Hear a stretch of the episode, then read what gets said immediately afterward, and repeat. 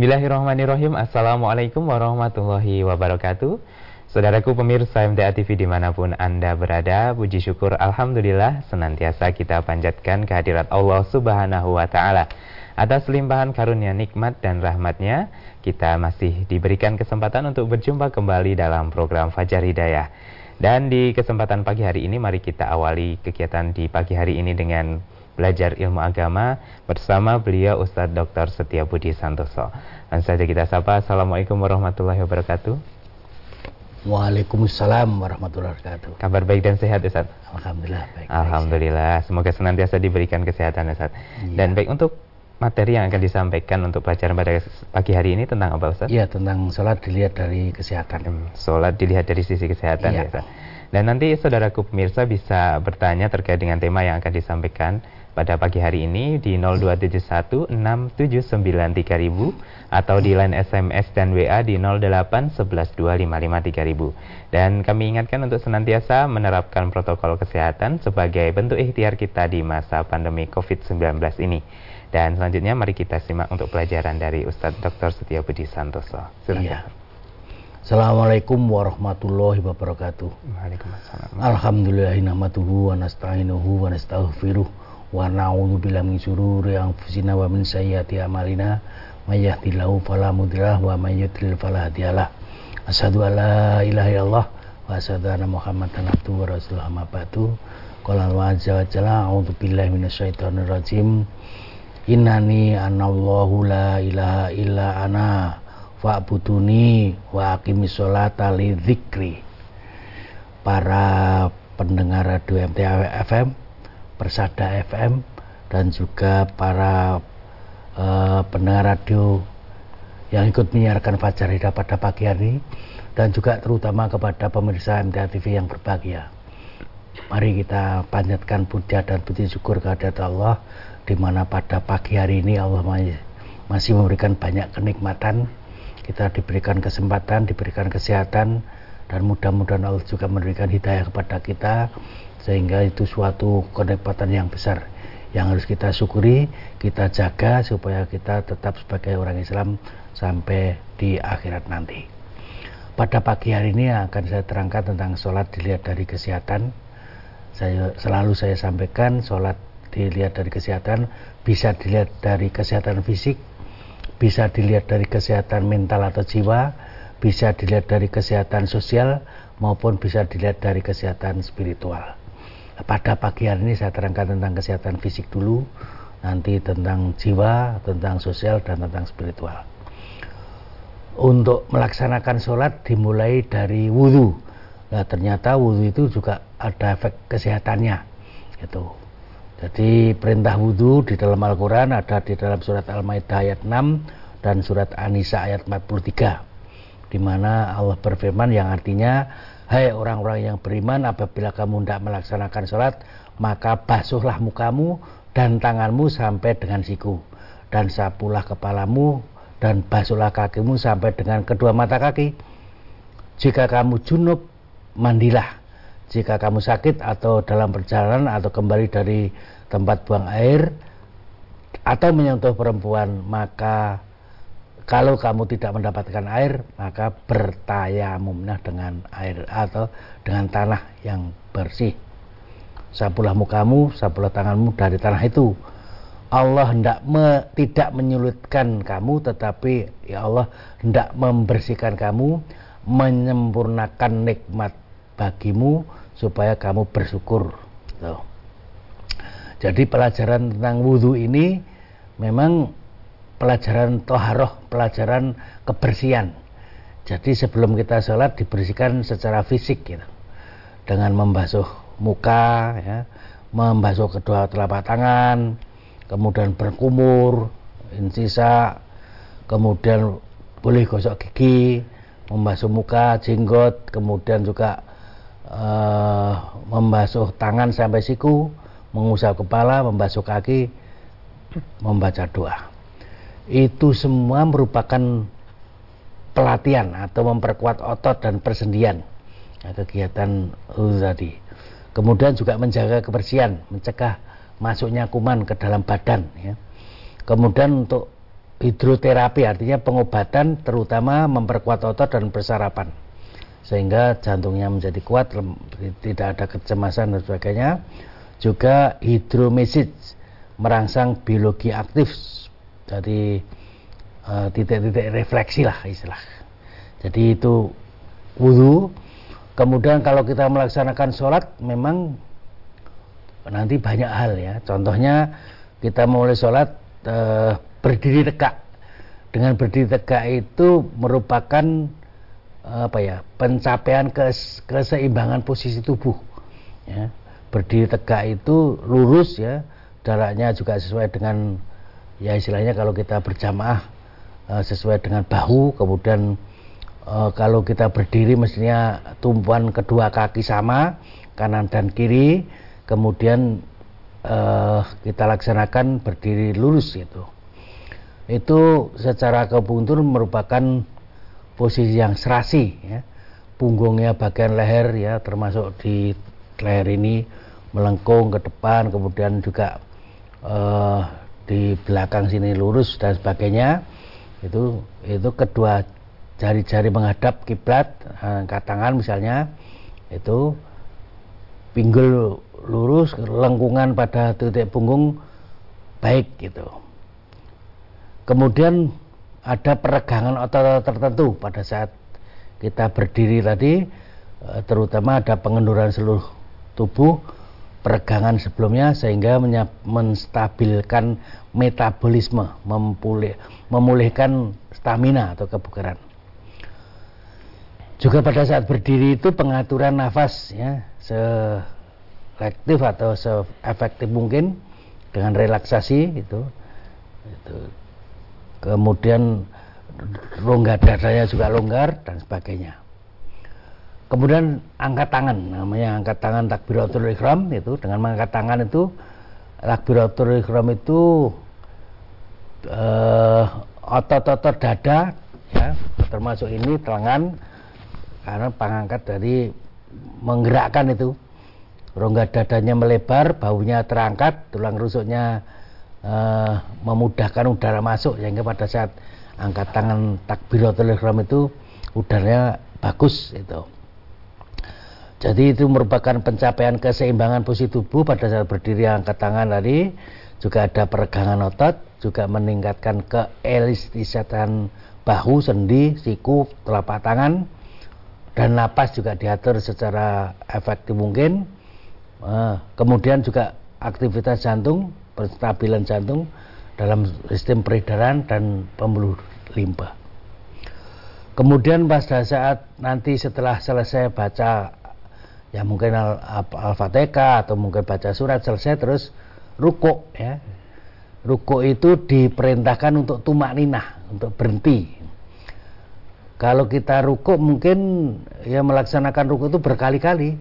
Kalau kita sholat wajib selama sehari itu ya 17 kali 17 hari itu 17 ruku berarti sholat wajib itu 17 ruku itu baru sholat wajib belum sholat sunnah dan sebagainya. Nah otot yang bergerak saat ruku itu terutama di perut sini kemudian otot pinggul lumbal pada saat ruku itu kan di sini itu semuanya. Itu memperkuat otot jadi gerakan ruku tadi akan memperkuat sendi-sendi juga di situ atau dua bahu, dua tangan, dua leher itu menambah juga elastisitas tulang belakang. Jadi kalau kita ruko itu tadi elastisitas itu. Bagi mereka yang yang punya penyakit tulang belakang ya tidak bisa ruko dengan baik-baiknya.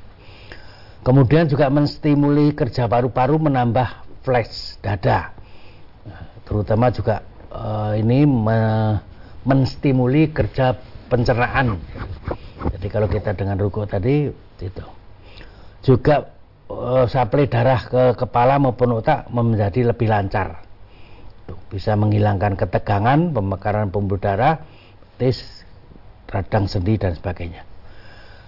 Jadi dengan posisi keseimbangan tubuh pada saat ruko itu itu merupakan pemanasan atau juga terima tuh ada peregangan otot tertentu ya otot dada terutama otot perut otot tunggal dan sebagainya pernapasannya berjalan lancar, efektif, dan ya, jantungnya lancar. Ya. kemudian setelah itu sujud ya letakkan tangan di paha kedua pundak melengkung itu kaki harus rapat itu kemudian setelah oh, tadi saya sudah ruku ada itidal itidal itu angkat setelah ruku naik itu pencapaian posisi keseimbangan tadi itu juga sama peregangan otot terutama otot punggung otot pinggul eh, belakang kontraksi maupun juga perut itu tumak ninah artinya tumak ninah itu berhenti. Artinya ya itu pengaturan nafas yang bagus tapi kalau orang oh, tidak tumak nina nafasnya tergos-gos itu kemudian juga penstabilan otot uh, aktivitas jantung kemudian pada saat su sujud ya kita sujud itu itu membangkitkan proses pemumpaan darah oleh uh, kepala karena sujud tadi ya akhirnya darah dari seluruh tubuh atau kepala mendapatkan aliran darah yang banyak. Kemudian uh, pada saat itu ada tarian bagian punggung, ya, perusahaan ruas-ruas tulang belakang. Kemudian juga otot-otot perut itu dipompa ya pada saat sujud itu ada pemompaan uh, otot perut dan dilonggarkan sehingga ada ya istilah saya kalau orang sujud tadi memperlancar pencernaan jadi kalau sembelit dan sebagainya itu dengan sujud juga itu. Bahkan bagi mereka yang ibu-ibu hamil itu diperintahkan sujud itu kadang-kadang untuk terutama bagi yang perutnya apa bayinya sungsang atau melintang itu dengan sujud ya lebih mapan itu. Jadi ada efek perut, juga ada efek saluran apa e, tentang kewanitaan itu. Kemudian memperkuat otot, sendi-sendi ya, terutama sendi lutut, ya, paha, mata kaki dan sebagainya. Dan sujud ini memang juga menemukan keseimbangan bagi mereka yang terganggu keseimbangannya sujudnya sulit itu. Memperlancar sirkulasi darah terutama gravitasi itu. Kemudian menstimulasi pencernaan tadi e, menjaga kelenturan tulang belakang itu itu dan menstimuli kerja paru dan dada. Setelah sujud nanti duduk, duduk istirahat, if, if tiras, ya, duduk bertumbuh pada pangkal paha, ya, berhubungan dengan ya tadi kalau duduk istirahat itu memperlancar persarapan atau mungkin juga peredaran darah. Juga menstimuli saraf namanya insiadikus sehingga kalau ada nyeri-nyeri di tulang paha itu bisa hilang. Seluruh otot tungkai turut meregang, refleks ya, kembali menyebabkan kelenturan dan kekuatan otot gerak. Dan peredaran darah menjadi lancar itu. Kemudian ada relaksasi otot-otot betis sehingga terjadi pemulihan dan bebas dari timbungan asam-asam laktat ya. Akhirnya mengurangi rasa nyeri dan mengurangi kelelahan. Ya, dengan duduk tadi kan di istilah dipompakan yang yang darah kotor tadi menjadi melancar juga seluruh sendi tungkai, kaki, jari-jari aktif, lentur, bebas dari kekakuan. Manfaat berdiri setelah duduk, setelah itu kan berdiri lagi, itu menjaga keseimbangan ya pada saat berdiri, terutama saat berdiri itu. Kemudian saat berdiri juga peregangan otot-otot tertentu ya, otot-otot makin kuat. Kemudian pengaturan nafas paru-paru saya efektif mungkin dan penstabilan aktivitas jantung dan peredaran darah. Pada saat akhir, ya, pada saat kita mau salam, itu namanya duduk tawaruk, itu mengurangi potensi terjadinya efek negatif yang muncul akibat terlalu lama darah berada di tungkai saat istirahat tadi. Jadi dengan duduk istirahat itu di antara dua sudut sehingga agak longgar, anda rileks. Tumit menekan aliran kandung kemih ya. Jadi dengan ya kita itu menekan kandung kemih juga bagi laki-laki menekan kelenjar prostat ya, juga fast different juga bisa merukat uh, atau seksual gitu. Kemudian yang terakhir barangkali kalau pada saat salam ya melatih ya kita salam salam itu kanan kiri kan juga ya apa ya meningkatkan kekuatan kelenturan dari otot persendian terutama dengan persendian leher tadi itu memalingkan ke kanan memalingkan ke kiri itu persendian leher menjadi menjadi bagus. Bagi mereka yang punya penyakit persendian leher yang untuk salam kan tidak bisa untuk nulah-nulah nggak bisa. Tuh. Dan di situ juga memalingkan terlihat bagian pipi belakang berarti maksimal menoleh meningkatkan kelenturan. Kemudian mempengaruhi otot-otot di bawahnya yang berhubungan dengan leher ya, dan leher kan ada hubungan ke atas dan ke bawah itu sehingga otot itu menumpang uh, tulang belakang semua teregang sehingga darah meluncur menuju jantung lebih cepat. Jadi dan ini dengan menulis ini kan pembuluh darahnya menjadi lancar gitu. Kemudian kembali ke jantung menjadi lebih tepat ya kira-kira itu yang perlu saya sampaikan. Dilihat dari segala fisik ya ya kita melaksanakan sholat itu ya yang akan memperlancar peredaran darah, akan memperluat eh, memperkuat otot-otot, kemudian persendian-persendian juga ya di, dilatih semuanya. Jadi akan memperlancar ya istilahnya pernapasan maupun juga jantung maupun juga pencernaan maupun ya terutama juga organ-organ dalam itu dengan gerakan-gerakan yang kita laksanakan ternyata ada efek dari segi kesehatan. Walaupun mungkin kita tidak tujuannya itu, tapi oleh Allah diperintahkan begitu, kemudian uh, ya Rasulullah mencontohkan sholatnya itu begitu, maka dengan melaksanakan sholat itu ternyata ada efek kesehatan secara fisik. Walaupun sebenarnya tujuannya bukan itu, tapi ada ya istilahnya manfaat lah dari dari kegiatan-kegiatan yang tadi uh, mungkin baik, dimulai dari takbiratul ikram dimulai dengan ruko kemudian itidal kemudian sujud kemudian duduk di antara dua sujud mungkin juga duduk istirahat juga tawaruk itu semuanya bermanfaat bagi kesehatan fisik. Saya tidak melihat secara non fisik tapi secara fisik kalau kita melaksanakan kegiatan-kegiatan itu kalau kalau orang itu sholat eh, 17 rakaat selama tiap hari itu yang yang tanpa sholat sunat itu ya pan sudah kegiatan fisik yang rutin sehingga ya kalau saya istilahkan ya rutin ajak ya seperti olahraga itu kalau dikatakan seperti olahraga tapi kita tidak merasa bahwa Allah memerintahkan sholat Rasulullah mencontohkan sholat ternyata ada efek secara kesehatan fisik. Itu saja yang saya sampaikan pada hari ini. Ya, baik. Memang untuk aktivitas sehari-hari, terutama ibadah ini memang berpengaruh untuk kesehatan kita juga ya. Iya, iya. Ya. Nanti saya lihat dari kesehatan jiwa juga dilihat dari kesehatan sosial dan juga bisa dilihat dari kesehatan, kesehatan. spiritual. Ya. Saya baru membicarakan masalah fisik ya. saja.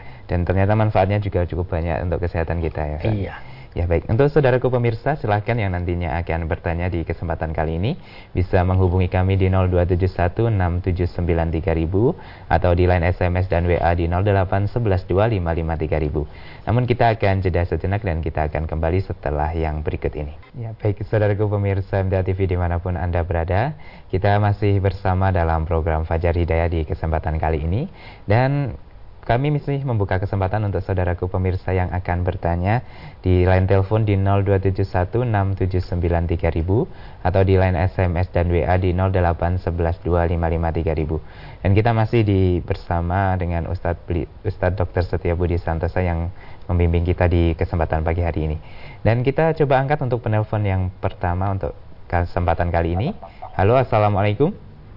Waalaikumsalam warahmatullahi wabarakatuh. Taqabbalallahu minna wa minkum, Ustaz. Taqabbalallahu minna wa minkum. Baik, dengan siapa di mana ini? Bu Tanti di Padang Panjang. Ya. Baik, silakan pertanyaannya, Bu. Mau nanyakan ini Ustaz, hmm, saat kita mengingatkan kebaikan kepada saudara, terus tidak diindahkan. Terus kita malas mengingatkan lagi bagaimana itu Ustaz? Apakah terganggu jiwa kita gitu? Apakah? Terganggu jiwa kita. Hmm. Yeah. Ada lagi Ibu? Terus yang kedua, yeah. ada tetangga udah gitu. Terus kita malas keluar kalau dia di rumah. Terus apa juga terganggu jiwa saya Ustaz? Itu aja Ustaz. Assalamualaikum warahmatullahi wabarakatuh. Waalaikumsalam warahmatullahi wabarakatuh. Ya. Yang pertama mengingatkan seseorang yang mungkin tidak digubris atau Ya. mungkin tetap saja ya tetap harus kita tetap mengingatkan. Jadi jangan sampai ya apa loyo atau ya, pokoknya justru pada saat itu karena dia berbuat maksiat atau berbuat jelek atau berbuat salah diingatkan tetap belum berubah diingatkan lagi ada kesempatan kita mengingatkan sebab nanti kalau kalau dia sudah berbuat baik sudah bagus malah kita tidak ada kesempatan mengingatkan. Amar ma'ruf nahi mungkar adalah kewajiban. Sehingga kalau kita mengingatkan ya jangan bosan-bosan jangan Allah sudah diingatkan berkali-kali kok nggak mau kok nggak digubris kok. Eh, itu tetap harus diingatkan. Misalkan kepada anak kita misalkan kepada tet- tetangga kita misalkan kepada saudara kita itu. Kalau dia berbuat jelek berbuat maksiat berbuat yang yang tidak menurut tuntunan ya diingatkan terus itu. Walaupun mungkin belum berubah itu. Jadi malah kesempatan kita terus mengingatkan akan, akan mendapat banyak pahala. Kemudian yang kedua sebenarnya apa artinya mengapa kok ya apa ya eh, tetangganya mungkin duda atau kalau dia istilah saya mungkin apa ya ya melecehkan atau mungkin juga ya, apa ya ya berbuat yang anu ya boleh tidak keluar bagus itu. Tapi kalau tidak ada apa-apa tidak perlu kita apa ya mengungkung diri di dalam rumah tidak mau keluar gitu tidak perlu. Ya ya sakit jiwa sih tidak cuman ya kalau tidak ada apa-apa itu mestinya tidak perlu mengungkung diri dalam rumah. Tapi kalau memang keluar rumah itu ada apa-apa artinya ya mungkin dia jahili apa jahili berbuat jahil kepada kita atau itu atau dia malah menunggu-nunggu kita misalnya ya boleh kita tetap di dalam rumah tidak keluar itu Ya.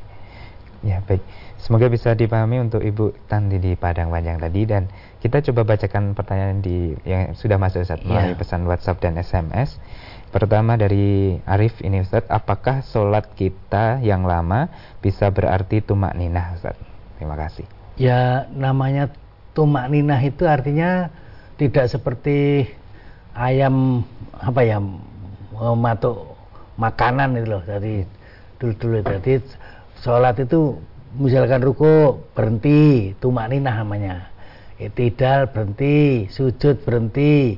Jadi tidak seperti ya ayam mematuk makanan tadi. Selalu sholat terus. Kan ada kemarin itu pada saat sholat taraweh katanya 23 rakaat 7 menit itu kan itu nggak sholat itu. Apalagi taraweh taraweh itu santai. Ya itu mestinya santai dua rakaat empat rakaat istirahat ya. Dalam riwayat itu pernah Rasulullah juga istilahnya apa ya ngisi apa anu biar tidak eh, panas misalnya. Ya, kalau kita mungkin misalnya minum-minum boleh itu kemudian dua rakaat dua rakaat lagi istirahat itu namanya santai rileks gitu. Tapi kalau 23 rakaat dalam jangka misalkan 10 menit itu kan oh akbar Allah akbar Allah akbar Allah akbar kan cepat sekali. Itu namanya tidak tumak nina ada ada sahabat yang pada saat itu sholatnya tidak tumak nina itu oleh Rasulullah ulangi. Lagi dia sholat itu juga tidak tumanina jadi terus Allah Akbar. Selesai ulangi lagi. Nah baru diberi pelajaran oleh Rasulullah kalau kamu sholat kamu ruku tumanina itidal tumanina sujud tumanina duduk di antara dua sujud tumanina jadi jangan sampai itu. Bahkan bacaan sujud bacaan ruku itu kan ya zikrullah berarti makin lama juga makin bagus itu. Kadang malah uh, zikrullahnya kan lebih banyak itu. Maka namanya tumak nina itu malah uh, ter- uh, berhenti artinya tidak tidak seperti ayam mematuk makanan itu ya. Ya, baik, semoga bisa dipahami dan mungkin ada penelpon lanjutnya yang di yang sudah masuk di kesempatan kali ini. Halo, assalamualaikum. Ya, mungkin mungkin nanti bisa dicoba kembali di 02716793000 dan kita bacakan kembali Ustaz. Ya. Pertanyaan, bagaimana cara meluruskan niat supaya beribadah? Niatnya hanya mencari pahala dari Allah, bukan hanya untuk mendapatkan kesehatan. Contoh kalau puasa biar kurus dan untuk diet mungkin iya. ya kita meluruskan kehidupan kita itu ya kul inna solati wa nusuki wa mahyaya wa mamati lillahi rabbil alamin. Jadi setiap waktu itu kita selalu beramal berbuat itu hanya lillahi rabbil alamin mencari ridhonya Allah baik melaksanakan sholat melaksanakan puasa melaksanakan haji melaksanakan segala ibadah itu eh, kalau dalam ayat itu kan ina solati itu sholat. Itu sholat kita itu lillahi rabbil alamin. Hanya untuk mencari ridhonya Allah. Jangan sampai kita sholat itu ya kemarin ya kita misalkan kepengen kepengen mendapat ridho mertua melihat ya istilahnya mungkin mendapat ridho tetangga dilihat orang itu kan maka ada istilah riak ya. Riak itu bukan mencari ridhonya Allah tetapi mencari ridhonya manusia.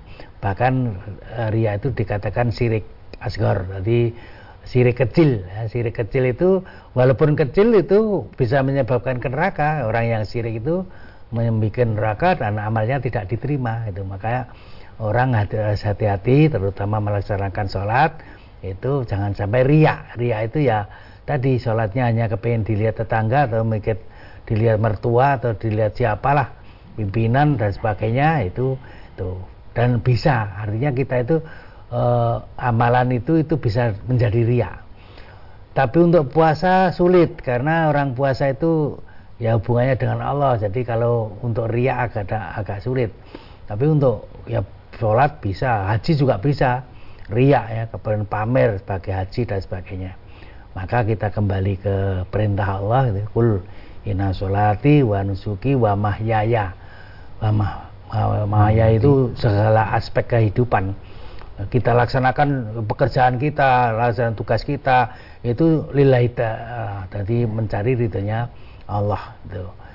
mati nanti kembali kepada Allah juga mencari ridhonya Allah. Yang kedua uh, nusuk, nusuk itu ibadah sembelian. Itu juga hanya mencari ridhonya Allah. Kita mungkin akikoh, mungkin juga korban, mungkin juga membayar dam itu hanya semata-mata mencari ridhonya Allah. Nah kalau kita tahu ayat itu kita ingat segala aspek yang kita laksanakan dalam kehidupan sehari-hari ini itu jangan sampai kita hanya apa ya mencari ridhonya manusia, mencari ridhonya mertua, mencari ridhonya tetangga itulah tidak boleh itu. Apalagi masalah ibadah. Ibadah itu bukannya dengan Allah, hanya semata-mata untuk Allah. Itu. Ya. Baik. Selanjutnya ada pertanyaan kembali Ustaz. Bagaimana kalau dalam sholat salah satu gerakannya kita tidak bisa maksimal dalam mengerjakan? Apakah ada rusuh atau bagaimana Ustaz? Ya, kalau kita melaksanakan perintah Allah itu wa idza martukum bisain fatumilu mastatotum gitu. Jadi kalau kamu diperintahkan dalam segala hal ya, tidak hanya tidak hanya sholat ya puasa juga begitu, haji juga begitu, laksanakan semaksimalmu. Jadi kalau dalam hal sholat misalkan orang tidak punya tangan itu tuh bisa takbiratul ihram walaupun tidak punya tangan.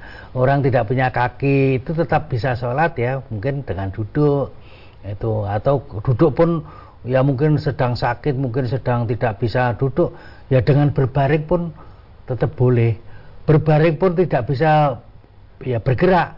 Hanya istilahnya mengedipkan mata. Ya sudah bisa mengedipkan mata sudah boleh. Sholat itu semaksimalnya menurut kemampuan. Jadi kalau ada ya apa semacam kelainan atau mungkin juga sedang sakit atau tidak bisa melaksanakan sholat dengan sempurna itu silakan laksanakan semaksimalmu. Itu. Jadi jangan sampai tidak sholat orang tidak sholat itu dikatakan ya, bisa menjadi kafir ya yang membedakan orang Islam dan kafir adalah sholat maka walaupun tidak bisa berdiri, walaupun tidak bisa duduk, walaupun hanya bisa berbaring, bahkan mungkin berbaring pun tidak bisa menggerakkan hanya mengedipkan mata, tetap harus sholat. Gitu. Sholat tidak bisa ditinggalkan. Kalau puasa masih bisa ditinggalkan.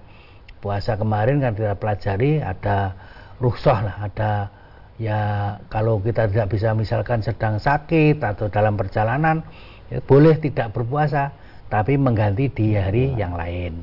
Atau mungkin sedang haid juga tidak boleh puasa mengganti hari lain. Kalau yuti kunahu kalau berat melaksanakannya misalkan ibu hamil ibu menyusui atau pekerja berat atau orang tua boleh membayar fidyah. Itu e, keringanan. Haji juga begitu. Haji kalau tidak bisa berjalan ya dipikul boleh dipondong boleh. Itu kalau mau wukuf tidak bisa pakai ambulan datang di di Arafah pakai ambulan kembali ke rumah sakit lagi ya boleh. Jadi melaksanakan semaksimalnya menurut kemampuan. Itu apalagi sholat itu. Ya baik. Ini ada pertanyaan dari Pak Suwarno di Jambi Ustaz. Ya. bagaimana cara bagaimana hukumnya memberi makan berupa kotoran manusia kepada ikan lele dan lain-lain Ustaz? Ya sebenarnya yang namanya namanya kotoran itu tidak boleh disentuh. Jadi yang namanya tidak boleh disentuh monggo dibuang di mana saja silakan. Kalau kebetulan dibuang diberikan makanan uh, kita punya ternak lele ya di kolam lele dimakan ya boleh saja. Tapi yang perlu hati-hati nanti memang airnya itu tidak boleh ke sana kemari. Nanti kalau airnya ke sana kemari sampai ke misalkan ke sawah atau mungkin masuk masuk sungai itu ya bahayanya pada saat ya ada penyakit. Contohnya kita sedang diare misalnya.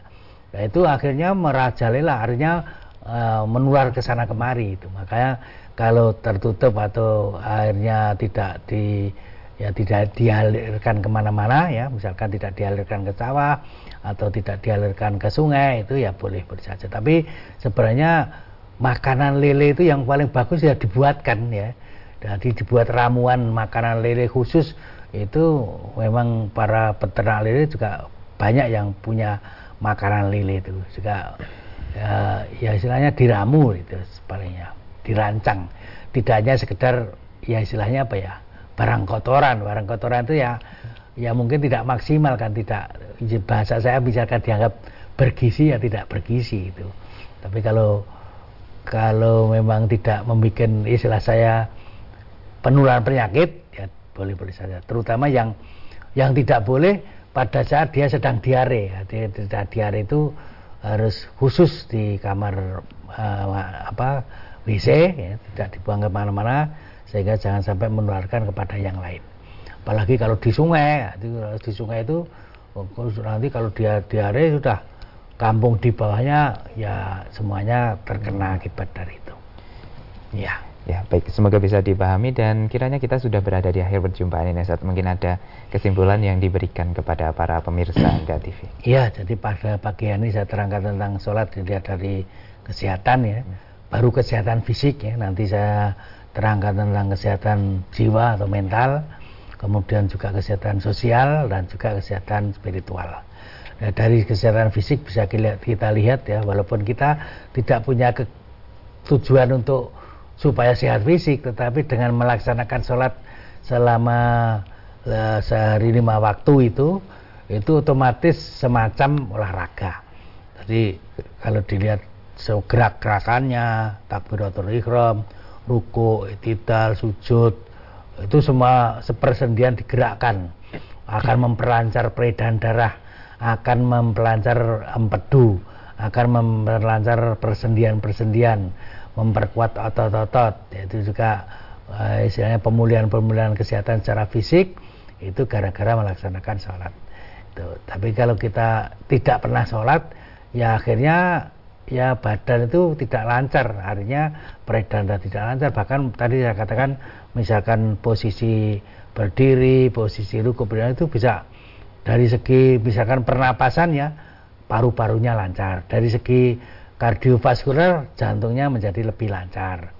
Bahkan tadi saya katakan untuk uh, istilahnya sembelit atau orang uh, pencernaannya rewel itu dengan sholat juga memperlancar sholatnya atau memperlancar uh, pelaksanaan pencernaannya bahkan bagi wanita hamil itu dengan sujud itu juga posisi bayi akan menjadi lebih bagus ya, dibandingkan hanya berdiri terus tidak pernah sujud. Tapi kalau pada saat ibu hamil itu mungkin posisinya sungsang atau melintang itu salah satu cara adalah dengan diperintahkan untuk sujud. Sehingga e, mapan lah bahasanya. Kalau bahasa Jawa e, tempatnya menjadi tepat sehingga e, lancar lagi menjadi normal kembali. Ya, itu dilihat dari fisik, nanti saya teruskan tentang dari jiwa atau dari segi kesehatan sosial maupun kesehatan spiritual. Ya, baik. Kami ucapkan terima kasih Ustaz untuk ya. nasihat dan pelajaran pada kesempatan kali ini. Kita jumpa lagi di pertemuan berikutnya. Ya. Assalamualaikum warahmatullahi wabarakatuh. Waalaikumsalam warahmatullahi wabarakatuh. Baik, saudaraku pemirsa MTA TV di mana pun Anda berada, demikian tadi telah kita simak dan ikuti bersama program Fajar Hidayah untuk edisi kali ini.